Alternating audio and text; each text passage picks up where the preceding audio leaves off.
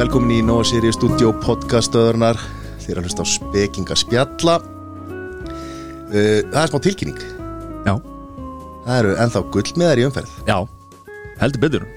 Þá er að finna í 150 gramma uh, plötunum. Já, rjómasúkkulaði. Rómasúklaði frá Nóa Sirius. Mm Og uh, þeir sem að uh, vinna gullmiða -hmm.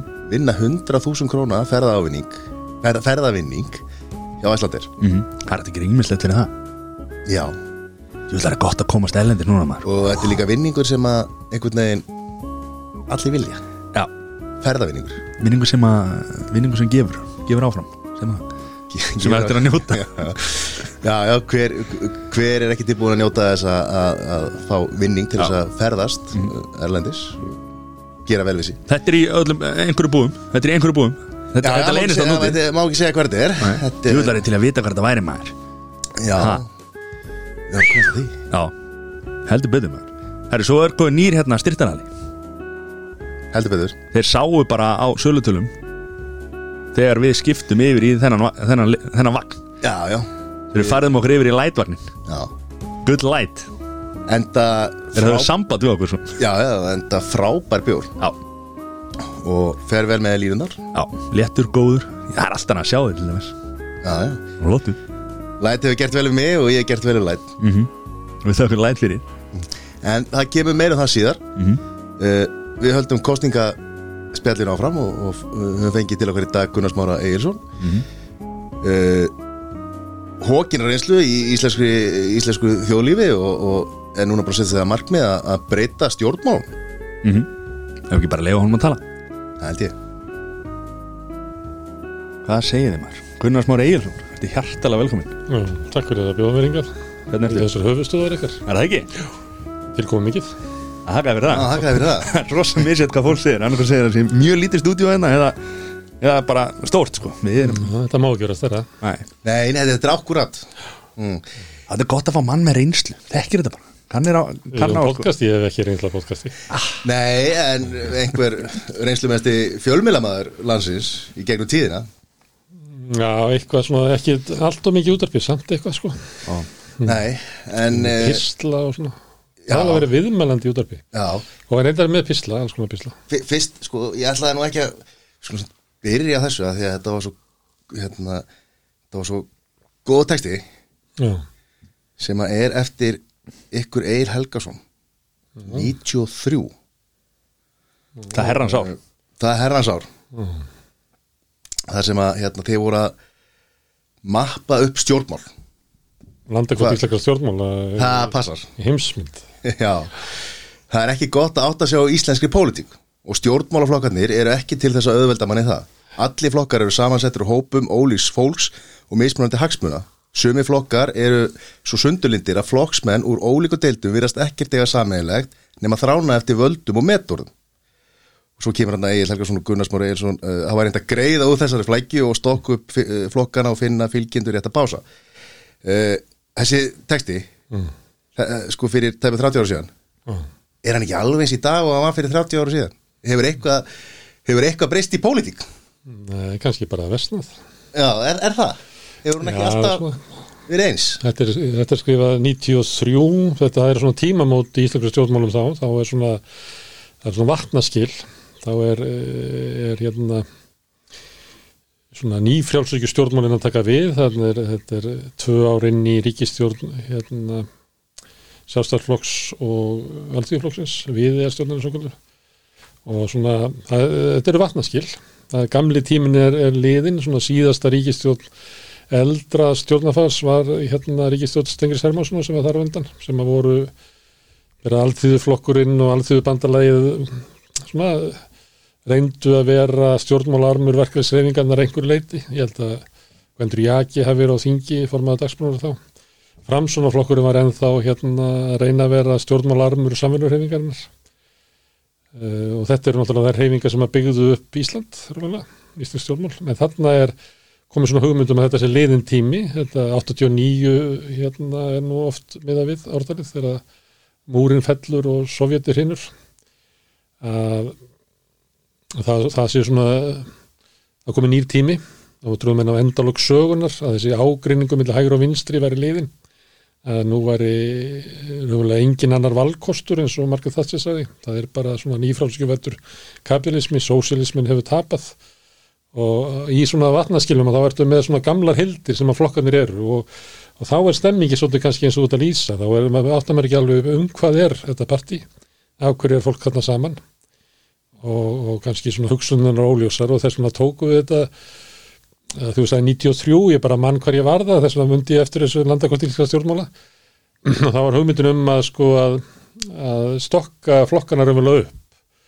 Það byggum við til svona nýfrjálsíkju hraðilestinn og við byggum til þjóðverðnis, sósialista, fjöllin og einhvern veginn reyndum að tekna upp og það skaraðist á alla flokka, það var engin eitt flokkur sem lendi bara einu stað, þannig að þetta var svona tilrönd til þess að mappa upp upp. Mm. En að þetta segja sko að það er líka þannig að því að stjórnmálflokkar eru bara eins og félagskapur og þú ratar inn í eitthvað flokk kannski á yngri árum og þú tengist þar fólki bara vinarböndum og og hefur starfað með því og átt svona samíla stundir þú veist, sigra og töp og, og, og þannig að flokkanir eru, eru líka þannig, svona félagsheldir þannig að stundum áttum að þess ekki á því svona utanfrá á hverju þessir tveir eru saman í flokki vegna þess að þeir eru með ólíka skoðanir En bara eins og íþrótafélag eða? Já, eitthvað svolítið, þess að þú bara hangi, mm. hangir þar áfram sko mm.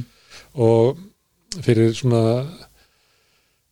Eh, sem við sem að tóku þátt í að stofna sósættarflokkinu, við vitum alveg að það eru sósælistar í samfélkingunni og í Vafki og sem að við erum ekkert að tröfla sko, þau eru bara að starfa sínu sósælisma inn í sínum félagsheldum og, og þannig er það bara því að svona við tengjumst þeim sem við störfum með mm. Mm. þannig að ein, einhver leiti sko texti vera líka bara að vísi það sko að að þú gætir svona komið bara með kaldan haus og sagt að þessi ætti að vera með þessum í flokki, þessi ætti að fara eitthvað annað en það er bara svo margt mannfélagið er svo flókið og þessum er það skemmtilegt mm -hmm.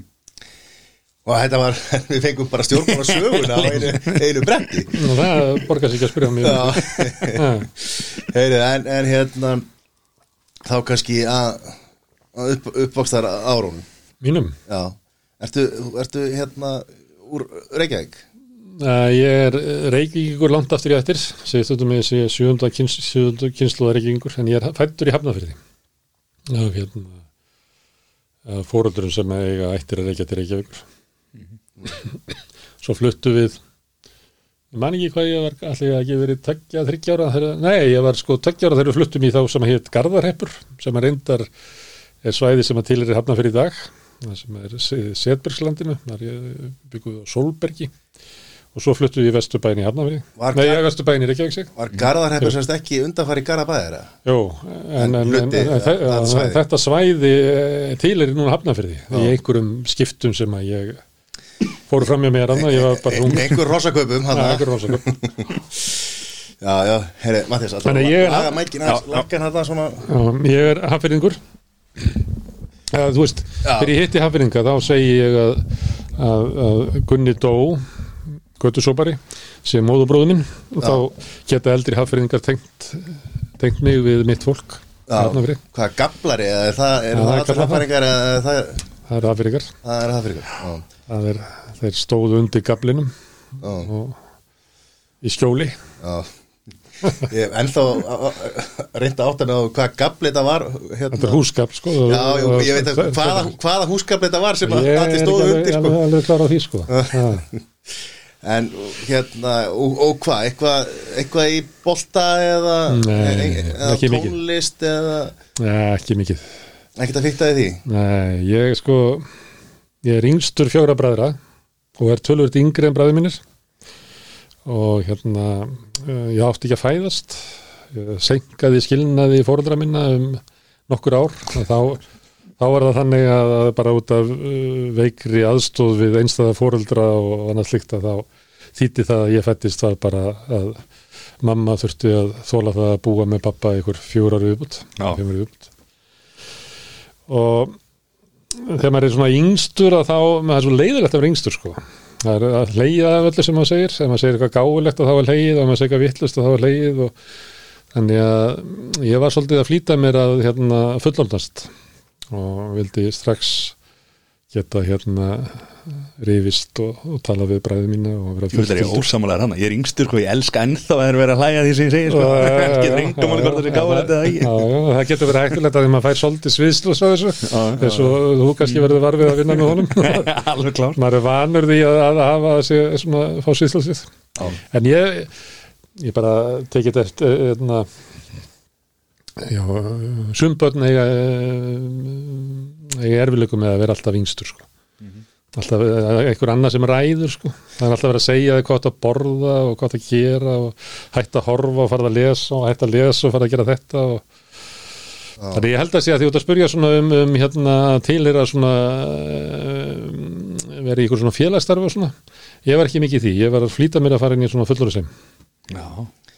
En Og hvenær áttar á því að þú vildi vera fullur bara mjög snemma? Er mjög fljótlega. Hérna, ég man að æskuvinu minn í, í svona tíjar bekk var skúli P og við sátum og, og hérna rættum bókmentir og pólitík tíu allar ára gamlir Nei. byrjum fljótlega og fljótt, fljótt, fljótt, fljótt að drekka sko. sátum með viski í glasi og rættum eins og fullandir Tíu ára, 11 ára Ja, ég veit aldrei að byrja að drekka 12 ára gammal sko. Ekki, þetta er ekki þetta er mertu þáttu, það getur ekki fyrir börn nei. Nei, nei, Nei, nei.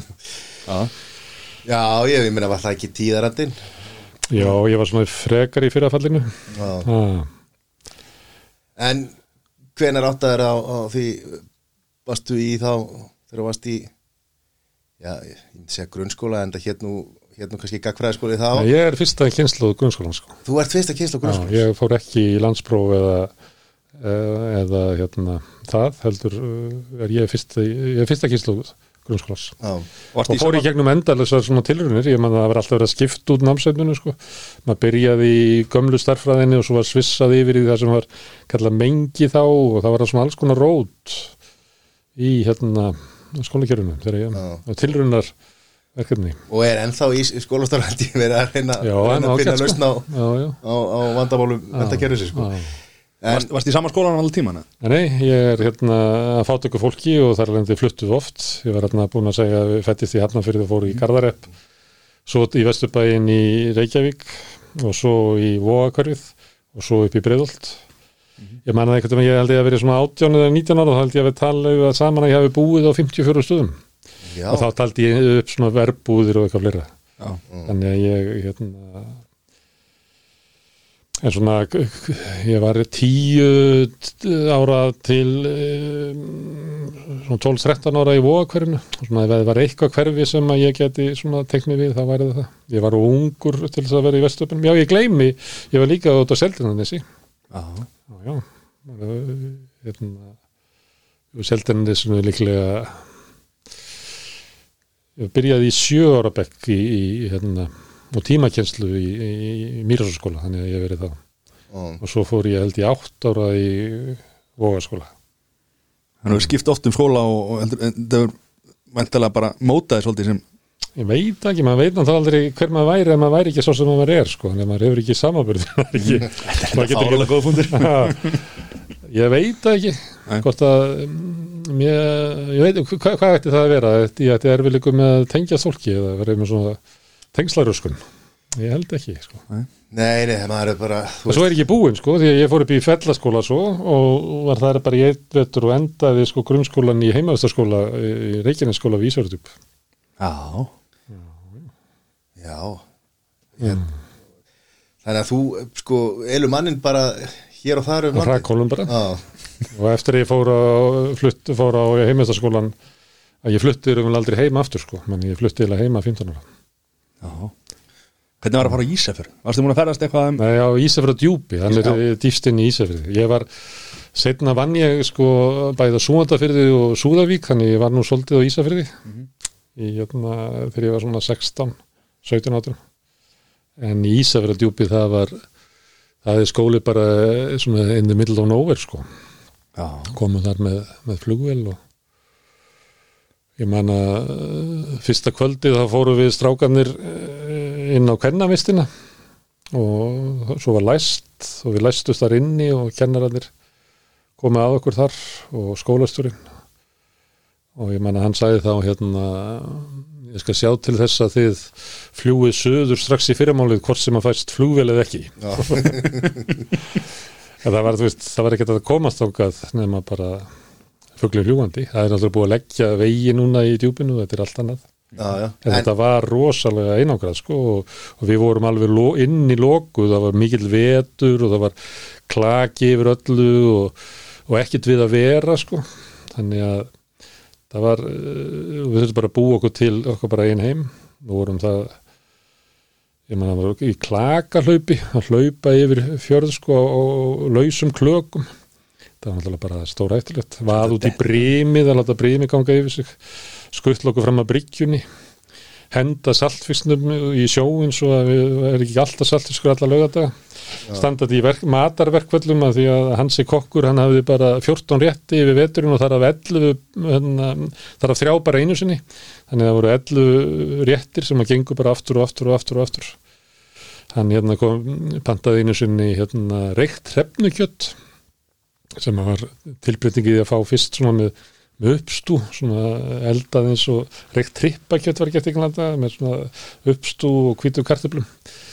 Og svo þannig til að bara fólk gæti ekki borða þetta, þetta var bara þessu. Og þá kvarfið í smá tíma og svo einn daginn þá komum við niður í mötunitið og þá var hérna, kjött í raspi. Allir voru ánaður, ja, kjött í raspi svona smá tilbyrði ekki því. Og svo skárum við í kjöttið þá var það reykta hefnukjöttið falið inn í raspinu og þá fórum við og öll hendum matnum og Ég var í nefndafélaginu og aðal krafan var að það að fá bara betri mat. Fá ávexti, fengum aldrei ávexti sko. Við fengum svona keks svona síðkvöldum og krafan var svo að fá bara feska ávexti því að við vorum bara, við vorum farið að láta ásjá sko út af bara næringaskorti og fábreytum mat og... Hvað varstu Já, lengi?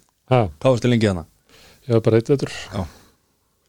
Held ég. Og hvað kom bara, vistir bara með flugvél eða það var ekki Ég veit ekki hvernig það komið sko, það hefði kannski verið kyrðar þetta. En svo voru menn, þetta var, þetta var svona mm, skóli fyrir hérna vandræða börn, voru sendt hana.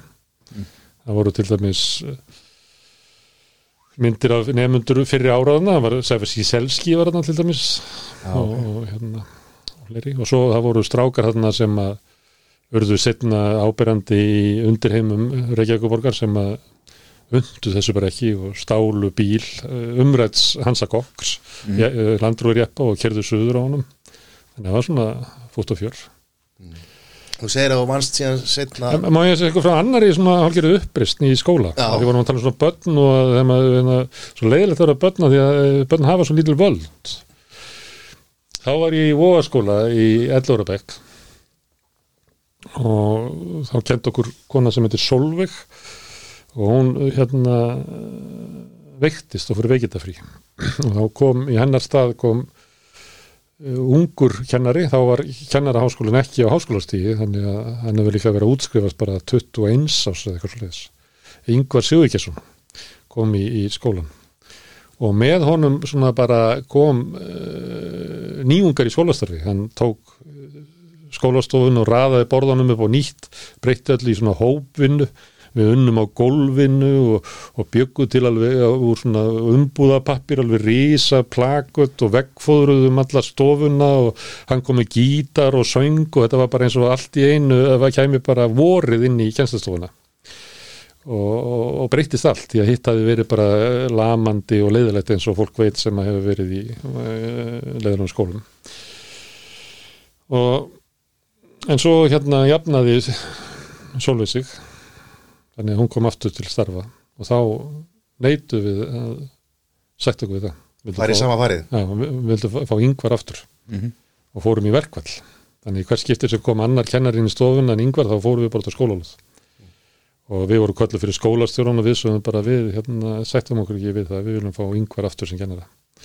Og það var bara þið ráðið því ekkert og voðalega læti og svo kom yngvar til okkur og sagði þið getið ekki gert mér þetta. Það er bara fólk heldur að ég sé eitthvað svona kvöldlítir sko, hafið sko heila því börnin ykkar, sáðu þið ekki myndina um hérna körfuboltastelpunar Jú, og það sem, er, Anna. það sem er alltaf, já, hækkun annað, það sem er að halda því fram að hann hafi heilað því börnin, Mhm. að því við trúum aldrei að börn getur hugsað sjálfstætt, það lítur að vera ykkur fullorði sem að heilað það er þau hann á bakið, en hann baði okkur lengsta orða að hann bara honum lið illa að hérna, að vera, þú veist, undir þessu að vera eins og að, sé, að spila með einhver börn og eitthvað svona, við sem bara einhvað með það.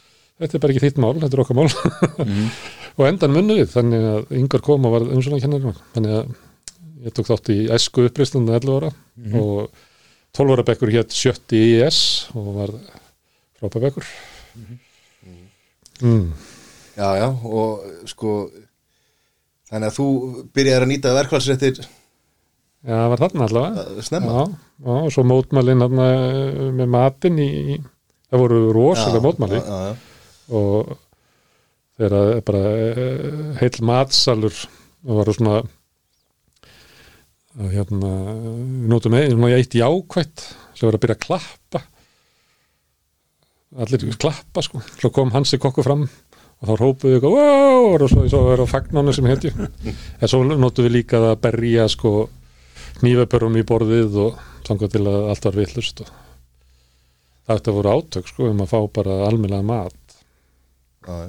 ah. 11 réttir heilt ár sko, það er náttúrulega ekki alveg ég, búið, sko, veist, þú getur rétt ímyndaðir hvernig sko livrin í brúnni sósu sem þú ert búin að borða á öllu 50 allt árið er á bræðið Mhm. þú bara það liður sko 15 ára þá er líka að borða lifur sko Já. mm. Og eins og með saltfiskin sko ég, ég borða bæði lifur og saltfisk í dag en það var, ég var lengi að jafna mig á saltfisknum sko sem var alla löga dag sko sætsúpur með hérna, þú veist svo getur ekki borðað matinn, hann hefur borðað svona sætsúpu með hérna hvað heitir það, týpökum og lifur á því. Ég var að fár veikur sko um vorið, ég var hérna eh, ég veit ekki en, en sjúktastekinu voru svo skirpjúur sko. Það bólnuð upp á með tannholdið og ég var með öll enginni bara og ég tók sko samrættuprófin í sko hálfgjörðu svona hitta móki. Bara einhvers konar næringaskort Já, ég held það sko. Það ég hef aldrei ég bara svo komaður í bæinn og maður jafnaði sér bara eins og skott bara var orðin góður bara eftir Fyrsta 40 ávexti. daga þannig að ég var ekkert að pæla mér í þessu. Bara að fá ávegsti og þá er þetta komið. Já, já, eins og gerðist sko með fólk með skilbjú eða þá kom í land, það var bara allir leið Já. En þegar þú fer aftur síðar hérna, eins og þú sagðir, þú sagðir Ísafjör og svo sagðir hvað brei, nei, en svo eftir þetta hérna, ég er náttúrulega að kemja svona alltíðu heimili og er ekki með hérna, miklar fyrirmyndir um svona hvernig maður á að vera. En eh, yngvar nefndur, hann var mér mikil fyrirmynd. Þetta var svona sá, það er eh, í þroska allra eh, svona þá fyrsti fullorðni sem þú kynnist auðvitað fjölskyldunar getur haft mikil áhrif á þig. Og ég, svona yngvar er einn af þeim sem að hafði mikil áhrif á mig og þegar við fluttum upp í Breiðholt að þá bauðst hann til þess að því hann bjó í næstu blokk að keira mig. Þannig að ég hérna, bjó í Breiðholti en, en keirði í vóakverfið þegar ég var í fyrsta bekki Gagó eða hvað þetta heitir hann ég heit sjöundi bekka þá haldi en hver eru fyrstu störfin? Fórstu, fórstu einhvern tíman fyrstu störfi ég eða byrjaði fórstu í fisk eða Já, ég byrjaði að bera út bara þegar ég var 6-7 ára í- á Seldinæsinu.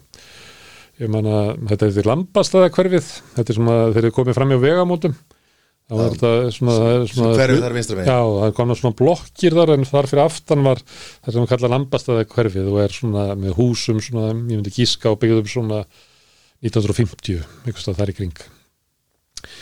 Og ég bara út í því hverfi og var náttúrulega pínu, pínu lítill með svona þessa grænu póka sem ég dró eiginlega eftir mér sko en svo hinum með yfir lambastaðatúnið sem er núna búið að byggja sem að er sem er eiginlega beint að móti það sem að, að hagkaupir að það túnið þar eiginlega alveg niður á sjó var bara óbyggt. Það var þar uh, voru við með fótboltavelli sem að fór, var farið í íspjörnin og stólið salti og búin til svona teigar og, og merkingar sem að náttúrulega brendi sér bara í gegnum uh, svörðin þannig að það voru en allavega að á mótnana um miðan vetur að þá voru fjögur blöð hinum megin við lampastæðtúnið og lampastæðtúnið var grafið í sundur með svona skurðum. Og ég man bara eftir því að ég var að lappa með hennan hérna, græna póka með mókanum og svo lappaði maður honum í skurðina. Og þá var svona fú, hvarf maður það. Og svo kom maður bara upp úr snjónum hinum megin. Þetta gerði maður á öllum mótnum þegar ég, ég segi, kannski verið orðið sjóra sko en þegar ég var í vógunum voga uh, skóla þá vann ég til dæmis í efnalög með skóla. Ég held ég að ekki verið meira en svona tíu ára þá. Uh, svo fór ég út í svona blaðabusiness. Að hérna, ég bar út hver á mokkanum og eitt af vísi og, og, og þjóðvílan, ég bar ekki út alþjóðblæðið og tíman þannig að maður safnar þessu saman að þá hérna þá ertu komið með svona því þetta er alltaf sama leiðin sem lappar sko. Þannig að það er svona nýta stærðarhakvæmnina í þessu, þannig að safna þessu saman. Og svo fórum við út í Glæsibæ sem að var þá svona tildulega ný vestunarmiðstöð og fórum og seldum fólki aukablöðin. Og Var ekki að peningurinn í því? Jú, það var mjög góða penningur í því. Og svo, ég man það sumarið þurftum ekki að fara í skóla ég var með Ella Jóns vinni mín í þessu að það fórum við og borðuðum sko á kaffetýrju Glæsibær. Það var nú bara appisínglas og, og svona sandkaka sem var ádeismatur við áttu gerna meiru. Svo fórum við upp í hérna, síðumúla þar sem að vísir var prentaður. Fórum í prentsmjöna til að sækja blöð en maður mátti gera það og þá fórum við og rendum svona yfir borðið þar sem var tilkynningar um að fólk væri hætt. Og tókum við tilkynningarnar úr okkar hverfum Já. til þess að fjölga aukablóðunum. Þannig að sá sem að pakkaði vissi ekki að, að, að þau voru hætt hætt. Þannig að ég held ég, áskrið að, ég, held ég að við skilaði þessu hverfi sko með bara átján aukablóðum eða eitthvað. Og svo fórum við aftur niður í Glæsibæ og seldum hérna aukablóðin. Og stundum aðeins rúmlega það. Seldum líka það var góð sala og seldum það þessum fram og, og svo læriði maður það þegar maður bar út vísi svona hverji kvart og hverjir ekki sko. Þannig að ef að fólk kvartaði ekki þá kannski fekk það ekki blad með manna slæðið Og þessu tíma sástu, sástu bara rukka líka eða? já já, sáum að rukka og, og svo við í, hérna, það voru svona einhverju strákar það voru sendlar og eitthvað svona en ég og Elli Jóns vorum með margvald að tekja á við þetta sko, við vorum bladakongar hérna í þessu, bara það var alltaf unnið uh, ég held ég að hef verið 11-12 ára þegar ég var sendill á Hrafnistu. Þú ert að spyrja hvernig með að byrja að vinna sko. ég er hérna Sendill, á Hrafnistu á skrifstofu Hrafnistu. Já, ekki, ekki, ekki bílstjóri heldur. Nei, nei, nei, Já, nei, nei. Það sendast, já, ok. Já, ég var reyndar að tala um bílstjóra þá þegar við byggum í Vesturbænum þá sérst, er áður en að ég flytt á Seldinnes þannig ég er líklega fimm ára þá og þá var mamma með mig hann að langt yngstan og það er náttúrulega getað unnið. Þannig að fekk hérna pláss á á leikskólanum uh, dagheimilinu sem er fyrir aftan Jón Símonásson ég veit ekki hvort þið viti hvað það er. Nei, þið eru ungir til þess að það, ég held að þetta sé ennþá hann, þetta, dagheimili. En ég vildi ekki vera þar eins og ég sagði á hann ég, ég er eins og hundurum minn sko, ég á border collie sem að lítið svo stort upp á sig. Hann vill ekki vera með hundum, hann vill bara vera með fólki. Mhm. og finnst hundar svona og mér fannst svona börn svona í pollagölum þetta er bara leiðilegt fólk. Þannig að ég neitaði að gerði mér alltaf upp ykkur leiðindi. Já, vildi ekki ræða pólitík og, og heimsbyggi. Þannig að ég fór með mömmu í vinnuna og hún vann í Jóni Sím og þar var ma maður sem að kerði út vörur, kerði út snúða og brauð og svona út um allan bæ og hann tók mig eiginlega að sér. Hann er svona einn af þessum sem að höfðu mjög góð áhrif á mig svona að kynnast fullordu fólki auðvitað fjölskyldunar er mjög þroskandi. Þannig að ég var eiginlega, að þú spurður að því hvort ég hef unni við þessi sendill við að keira út, en ég var eiginlega fimm ára var ég í því hlutverki að bera inn svona brauð og svona inn í búðir sem að keiftu hjá Jóni Símonarssoni. Hefur hefur tekið það saman hvað ert búin að vinna í mörgum störfum? Nei, hann að þegar ég taldi 50 eitthvað heimili þá held ég að verið 70 eitthvað sko vinnustæðar. Já, Já, Svo ekki lengi í öllum, einu sinni vann ég í hampiðin í fjóra daga, gafst upp, já. Þannig að það er ekki, þetta er ekki allt æfistörf. En hvenær áttar þið á eða hvenær byrjar það þá að grípa um penna og skrifa? Ég veit að ég gaf út blaðana, e, held ég að verið í 11 ára bekk eða 10 ára bekk, gaf ég út svona bekkjablað með Þormóði Jónssoni sem að eh, síðar stopnaði aðalstöðuna með Baldin bróðu sínum og hefur verið hérna svona auglýsingamókull við vorum saman í, í skóla og gáum út blað. Ég gaf út blað, eh, bekkja, eða, sem sagt, skólablaði náttúrulega í Reykjanes skóla og, og ég veit ekki. Ég held ég aldrei, á þessum árum var ég aldrei að hugsa sko hvað ég ætlaði að verða eða hvað ég ætlaði að gera. Þú spurðir áðan hann að að það reyna að tengja, tengja þessa sögu við Ísefjörð og svona. Að þegar ég er búin í Reykjanesskóla að þá hérna fór ég að vinna á Súandafyrri og kynntist þar fólki sem að með hans manni frá Suður Afríku sem að var bara flakk um heiminn. Þess vann við að týna vínber í, Fraklandi og, og hérna, appelsínur í Ísrael og vann í fiski á Íslandi og svona og mér finnst þetta heillandi sko. Mér langaði að fyrir svona menn sem að veit ekki veist, til hvers er ætla staðum að hans mér þetta að vera íti all líf sko. Svona farand verkað mann maður svona já. en uh, elsti bróður minn og konan hans vildi endilega færi í mentaskóla ég er þið eini bróðurinn sem færi í mentaskóla þannig ég let undan þeim og fór í mentaskóla en fann mig aldrei svona byndi því þannig að fór svo bara aftur að vinna á svona vertuðum og þvælast svona hér og þar og svona maður bara, svona bara eins og að býða eftir því að þeir eru ringt inn sko. Hvað, hérna, og driftaði svolítið um lífið sko. Kom einhver til mín og sagði, er þetta til að koma með mér til til hérna Danmörkur og ég sagði bara já já og sagði upp í vinninni og fótt til Danmörkur þannig að þetta er svona tímabil það sem að það var náttúrulega, fólk var í svona vertíðar vinnu, þetta er hérna Ísbernablúsin og svona samin á þessum árum. Þannig að það var voru uh, fólk að vinna í vertíðum hér og þarum og þetta var svona ákveðin kultúr eitthvað leiti að hérna að vinna, bara taka bara ykkur skorpur og, og, og hérna og svo bara uh, lifa og leika sér þessa milli. Ég fór, ég menna eins og fór ég á vetravertið og ég fekk svo mikið pening fyrir það að, að ég ferðaðist um Evrópu í svona ég held ég að bara koma til Íslands eitthvað tíma réttur í jólinn sko, frá mæ og var bara að þvælast og kynast heiminum og þannig Á hvað tíma er þetta? Er Þetta er svona 70 70 og 6-7 til svona 80 pluss Já, og fættu 61 Já, ég er svona eh, 16 ára hann á súandafyrði ég man ekki hvernig ég fór svona síðast út á land, ég vann á súandafyrði og, og Súðavík var ég eitt vetur. Ég var á Akureyri eitt vetur líka. Svo var ég höfn í Hotnafyrði og ég var á vertíð frá í Hellinsandi, Rifi. Og líka var að vinna í Ólasvík og var þar á vorvertíð og og svo var ég, þú veist, að vinna eitthvað að leggja síma línur í Grímsnesinu og ég var á Keflagur íslikum aðalvertökum með að byggja hús. Leifstu það? Nei, það var verið að byggja hérna það sem er núna, er, það sem er kallað ásbrú það sem er verið að byggja blokkir fyrir hermenn Já, já, mm. já, já og varst, var þetta allt verti og var þetta allt á Svo var ég á? Kleppi og ég var á hérna leikskóla. Um, mannskonar Kom aldrei til greina að fara á sjó?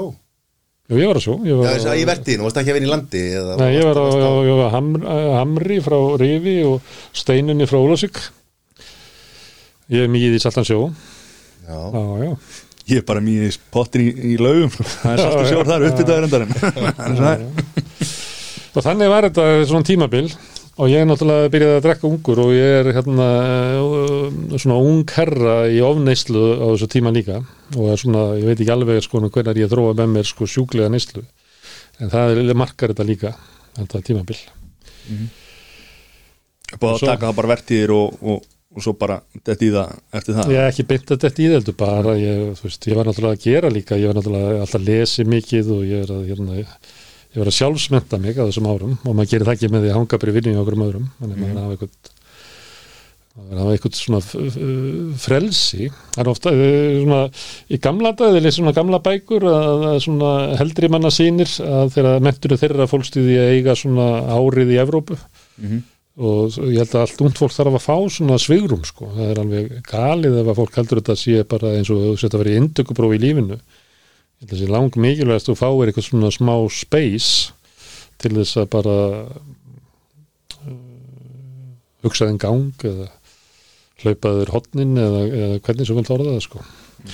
Og þannig er, er tímabil. Og svo þegar ég er eitthvað svona 24 held ég, mann ekki alveg hvað 23, 4 eða 5, ég manna það ekki. Að þá er hérna því voru að þið hefur skrifað? Að þá er einn vinnu minn sem að vill verða blaðamaður. Og hann er eitthvað að tala um þetta langið svo til þess að vera blaðamaður. Og þá segi ég við hann þú ert bara bara að sækja um að, hérna að taka yfir kannski bara eitthvað þessum helgablöðum sem eru þar. Þá var hérna og mikil gróska í helgarblöðum og gáfu, þá var þjóðviljinn og tíminn og eða sem að þá hétt NT held ég. Og öll blöðum er svona stór helgarblöð mikil svona massi framleiðslega vefni og hann er svona eitthvað óurugur þannig að ég segi við hann ég skal bara uh, sækja um með þér. Og við skoðum helgablöðun og komumst að því að helgablöðu NT sé lagast og þá vorum með það helgablöð Jón Ásall Þórðarsson sem er hérna Ásall sem að hlýtur að vera fyrirmynd ykkar mm -hmm. bestu, bestu þau bestur í að taka við töl á Íslandi. Og Birgir Guðmusson sem núna er professor í fjölmjölafræði á Akureyri. Þannig að við uh, ákveðum að sækjum á, á NT og þá var þeir upp í síðumúla og við komum þar inn. Og þá var Helgi P. í 3 mm. sem er núna formaði félags eldriborgara nýbúin að taka við og Maggi Ólaf sem hafði svona staði fyrir því að breyta tímanum í NT og búið að reyka hann og hann er bara eitthvað farin og þegar við komum inn í húsið þá var þetta svona stigagangur sem svona halv, halvir eh, stigar svona upp eins og er oft. Mm -hmm. og Helgi er að koma upp úr kjallaranum með fólki sem að ég lærði síður að var dreifingarstjórin og frangotastjórin og svona í minningunni þá skinnja ég það að frangatastjórun er eiginlega að segja við hann að þetta er eiginlega búið sko, þetta er bara ekki nokkur ekstra grundvöldur undir þessu blaði mm. og dreifikastjórun er að segja að sko að í hérna áskriftarlistin að sá sem er búin að vera döður lengst, hann er dó í Vespannið fyrir 14 árum, þannig að þú veist að áskriftarlistin sem þú held að væri til var meira minna bara ykkur skaldskapur mm. En hann einhvern veginn segir samt þetta, já, já, talaðu mig já, og, og, og vísar okkur inn á skrifstóna sína og þegar ég er eitthvað að útskýra fyrir honum að þessu komið hérna til þess að berga helgablaðinas þá heyri ég alveg á hann að séða á og hann heyri ekki neitt sko. Mm -hmm. hann er bara í einhverju losti sko. Að, í, í hvað er ég, í hverju er ég lendur hérna? Koma inn í sko gjaldróta blað og allt upp í loft og eins og það er oft svona bara suðar fyrir eiranum á fólki. Þannig að ég segi við hann vill ekki að við komum bara með svona skýrslu bara á morgun og segjum á hvernig við myndum vilja ganga frá blæðinu eða hafa blæð og hann segi bara jú, jú, jú Þannig að við förum heim og ég bý til skýslu um hvernig helgarblöðu endi á að vera. Og við komum daginn eftir. Og þá er það þannig að þegar þú ert í svona rosalega vandraðum bara í vonlösi stöðu að þá verður alltaf svona vongóður. Ef eitthvað kemur og býðst til að hjálpa þér þá er þetta alveg sannfarður um að þetta, er, þetta eru mennindir sem munir bjarga mér. Frelsari mættur Já, frelsari mættur, hann réð okkur bara á stannum sko. Já og þá byrjaði ég í bladamennsku og, og vinu minn, hann naut sín ekki í bladamennsku, bara það er erfitt. Var alltaf að leita þenni fullkomlu setningu og bladamennska snýssoldu um það að gera eins, rætt, eins vel þú getur á þenn tíma sem þú hefur, þannig að það er alltaf svo bundin af svona tímamörkum, þannig að með ómikla fullkomlun árótu, það er það getur verið bara erfitt. En ég ílendist í þessu og þetta var bara það var svolítið svona ástu fyrstu sín sko. þetta var bara ákvörð það sem ég var búin að vera að býða eftir Og var þetta peningu fyrir fyrstu útbóluna? Nei, það var ekki, þetta fór og, ja, jú, ég, nei, ég held að við hefum ekki fengið borgar réttu tíma. Ah. Svo hérna enda, þetta var einhvern tíman um haust, í desember þá tekur framslagflokkur þetta aftur yfir, breytur sér yfir tíman ah. og ég mani, þú veist, tók yfir launin held ég, en þetta var útgafa á þessum tíma og lengst af er náttúrulega ótrúlega barningur. Ég var að vinna á helgapústunum og alls konar blöðum þar sem að á útborgunandögum spurði gjaldkerinn sko hvað þarftu? Þú veist, dugað er ekki 500 skall yfir helginna og, og neini sleftu bara að borga meira því að hérna sigga og bann og eitthvað svona þetta var, þetta var miklir öflikar mm -hmm. en ég þá tók við hérna fransólflokkurinn og kom Níels Árnin Lund var eðstjóri sem hafði aldrei unnið á blæði áður og Kitty Fimboa sem er mikil góðsögn í bláðutgáfu og stjórnmálasögu eh, skuggamaður eh, sem starfaði með fransalfólkum, tók við sér frangatistöri ég samti við launum hann og hann kendi mér svona hvernig, hvað maður ekki gera þegar maður sem eru laun. Og hann hafði svona dimt inn í herbygginu og bara lampi og hann var alveg ógnar feitur.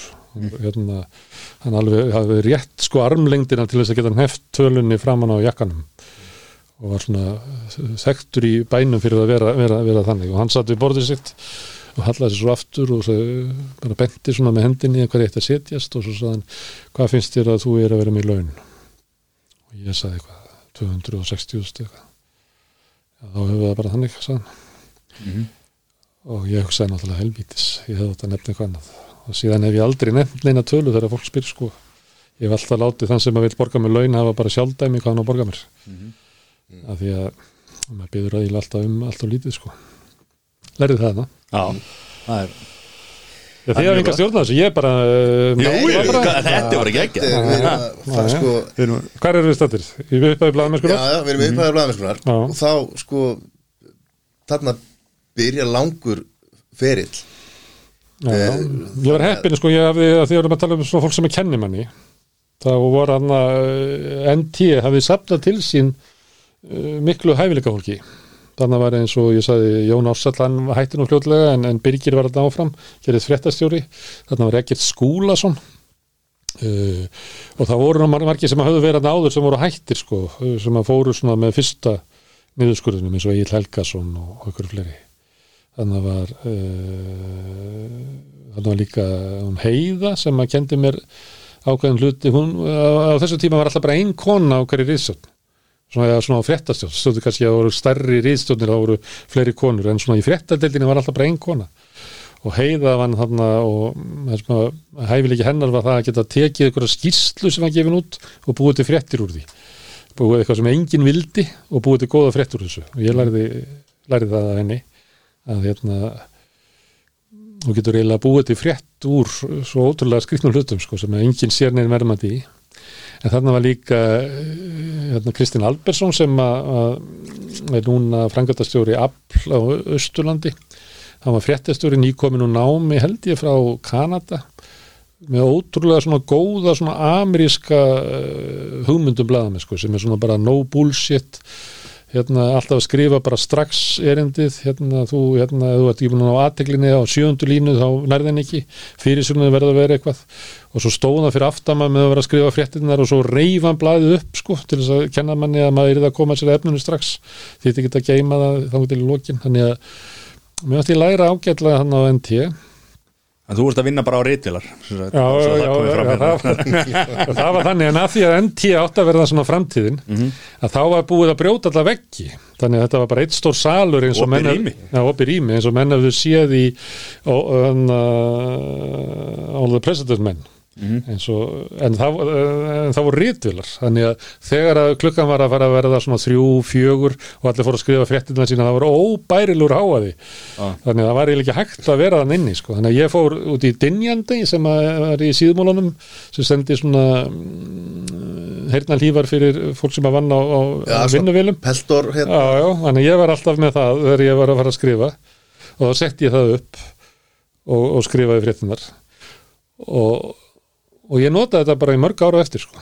þetta var svo þetta svo mikið Noise cancellation Já, bara þú bara algjör. heyrir í Já, hausnum já, aðeins sko Þannig að þarna voru rítvilar og ég hafði náttúrulega byrjað að ég er tvekja pötta maður nota bara tvo pötta á rítvilina hérna, eins og áviðum í alla sem byrja að nota rítvilar áður og byrjar í skóla sko. það er þeir sem að kunna fingrasetningu þeir hérna, voru ekki byrjar að skrifa áður en þeir voru sagt að gera það sko. Ertu Þannig ennþá bara með tvo puta? Já, ég er ennþá með tvo pötta Ó. ég var alltaf, uh, hérna, ég er náttúrulega orðin 60 í dag, en ég var alltaf sko, ég var uh, oft fljótar en þeir sem að voru með fingrasetningu. Já, og held að ég væri kannski einn af því fljótustu. Þá gott til ég eh, fór að vinna hefur Elias Snæland Jónssoni eh, sem var fréttastjóri á DFF og þá sá ég eh, undir og stórmerki já ég bara ég hefði getað setið og hort á hann á riðulinni sko. Já. þetta var svo fallegt bara eins og það er alltaf gaman að sjá að menn gera hlutina vel sko. er gaman að sjá góðan bakar að baka brauð eða góðan smíð vera sko, að smíða eða, og horfa á Elias Snæland Jónsson á liklaborðinu var bara ótrúlegt Þetta var líka alveg aðtöp sko að pikka á ritvélina og þurfti ekki eitthvað að- jó, og þú þurftir að slá fast sko, Já. ég eiðileg hérna, allar tölfur sem ég er á, ég eiðileg liklaborðin sko, því ég lemði þau ennþá.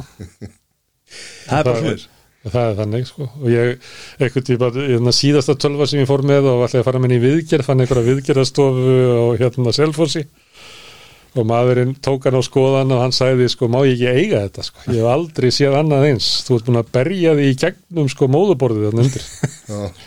Þannig að þetta fylgir því að að lemja svolítið fast. En mér finnst það, það líka sko ég held þetta já, mest skemmtilegt að slá aðeins.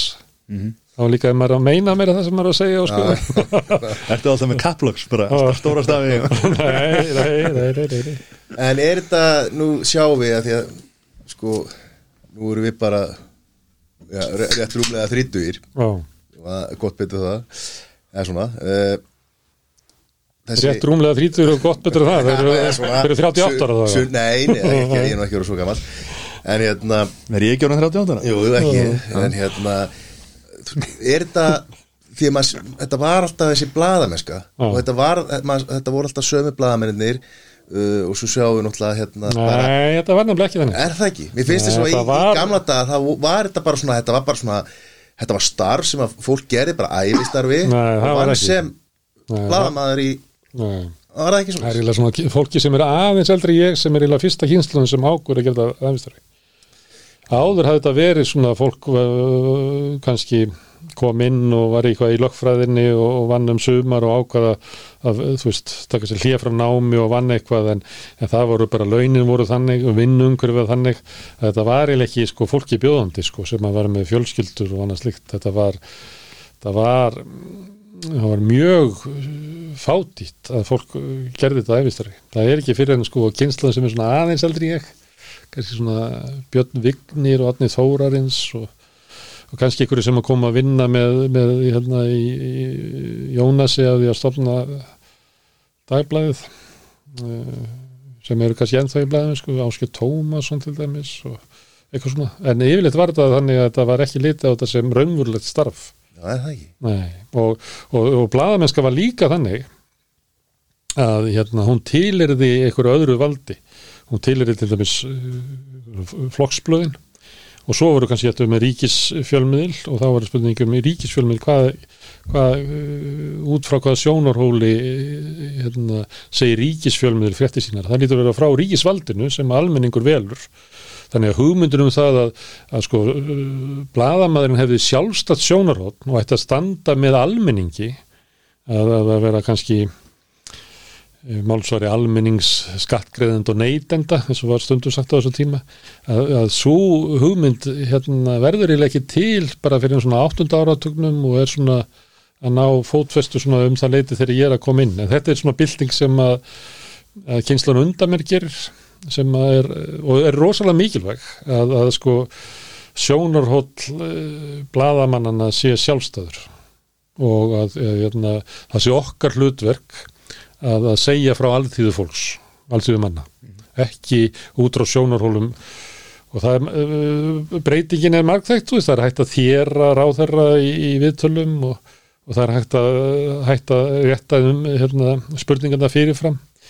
Uh, fólk, bara venjulegt fólk fær nafn í, í fjölmjölum sem að hafi verið miklu minna. Það hefur bara verið að tala um tala við þá sem að færa með völdin og eitthvað svoleiðis. Og, og þessi bylting stóð yfir alveg segjum bara frá stofnun DFF í gegnum uh, helgapústin í gegnum pressuna sem að ég stýrði svo setna og, og, og, og, margt annað og hafði svo áhrif inn í, í, stórumiðlana, hafði áhrif á fréttastofu útvarsins fyrst og fremst. Sjónvarpiðu nú alltaf verið svona hálfpartin einhvern veginn ríkis uh, fréttastöð og, og svo náttúrulega líka verður svona með tilkomu bylgjunar, þá verður mikil breyting og stöða tvö sem er eiginlega svona krafa um að sko fjölmiðlarnir séu ekki alveg háðir eh, valdinu sem fyrir er í samfélaginu. Og þetta bara er ekki lengra síðan þetta var. Og þetta er þetta er bara tímabil sem er til dæla stutt. Þetta tímabil er liðið. Nú eru frjálsu fjölmiðlar eiginlega uh, dottni niður, vonin er samfélagsmiðlanir og svona eins og þið eru að gera hér, að nýta tæknina að maður þurfinga í viðbyggingu til þess að geta verið með bara allþýðilegt uh, efni og umfjöllun.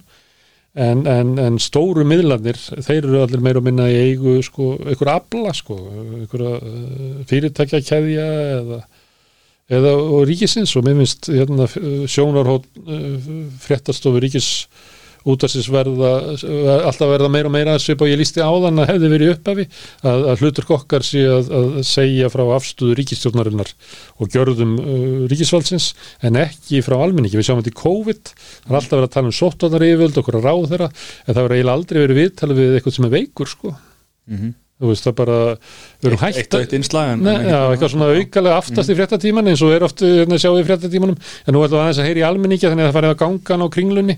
Og hvað finnst þér um eitthvað? Þetta almenningum má segja eitthvað svona þrísar ári. En annars er bara fréttina meira og minna uh, út frá hennum stopnana heiminum þannig að, að þessi bylgja sem að var til ég veit ekki hvort það er nennið að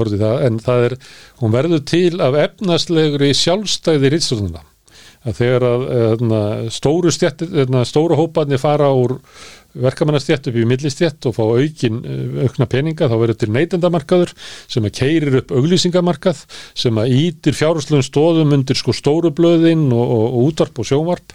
Og, og það veldur svona uh, leiði til svona sjálfstæði sparáttur ístofnarna sem að líta svo á að þau hafi búið til peningin og ríkikallin verður bara að vera uppi og reka bara auglýsingadeildina en við byggum þetta til.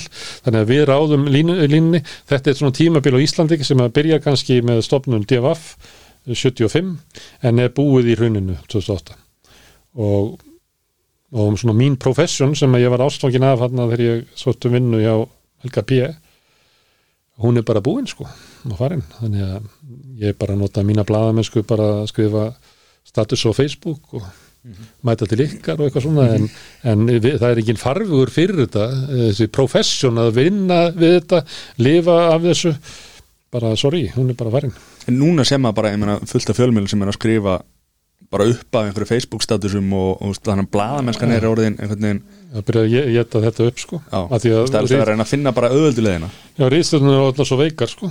að það er, það er eiginlega fáa rýðstjórnir sem að þú veist, ráða við eitthvað svona verkefni sko. Mm -hmm. Þetta er eitt í hug til dæmis að því að uh, mamma er að vera nýræð og er, er, er veik og allt í náttum að maður er komin í svona hlutverk í lífinu sem er að vera barn, hérna, eh, veikra fóreldra að það komið að þessari stund að nú þarf, við bræðinir að sjá um mömmu og, og við erum að fara með hennar svona í, í gegnum kerfið og þá áttum að segja hvað kerfið er skrítið og, og gamla kona þarf að vera að fara að hinga og þanga og sækja þessi þjónustu, það er enginn sem er að styðja hana og stundum eru við send bara á nýra bráðavakt og þarf að býða þar í þrjá tíma eftir að þú veist, hún þarf raunlega bara að hitta lækni sko. Og, og það kemur henni svolítið svona óvart og svo passaði mig á því að tala svolítið um þetta skrifa stundum um þetta á Facebook og, það kemur svo mikið fólki til mín sem verður að segja sömu sögu. Og maður átt að segja á því sem að gamli rítstjórin og, og bladamæður átt að segja á því byrju, þetta er stórt, þetta er rísa mál þú veist, nú verðum við að bara fá hérna, fólk sem er í þessari stöðu til þess að segja sína sögu, því að þetta er þetta, öll þjónusta við aldraða sem er svona veikir, er bara í myrkri. Þeir hafa enga rödd, aðstæðandunir sko, ræði þetta bara bara valla sín á milli sko. Þannig að, heyrðu, ef, ef maður væri með heyrðu, við keirum á þetta mál næstu fjóra mánuði, ég vil bara fá vitalum þetta, ég vil bara ba ba ba ba. En það er bara engin rýtstuð sem hefur aflið í þetta lengur. Þú veist, þið sjáu kveikur eitthvað fólk sem getur verið með hérna vikulega þátt uh, tvo og halva mánuða hausti og tvo og halva mánuða vori og that's it sko.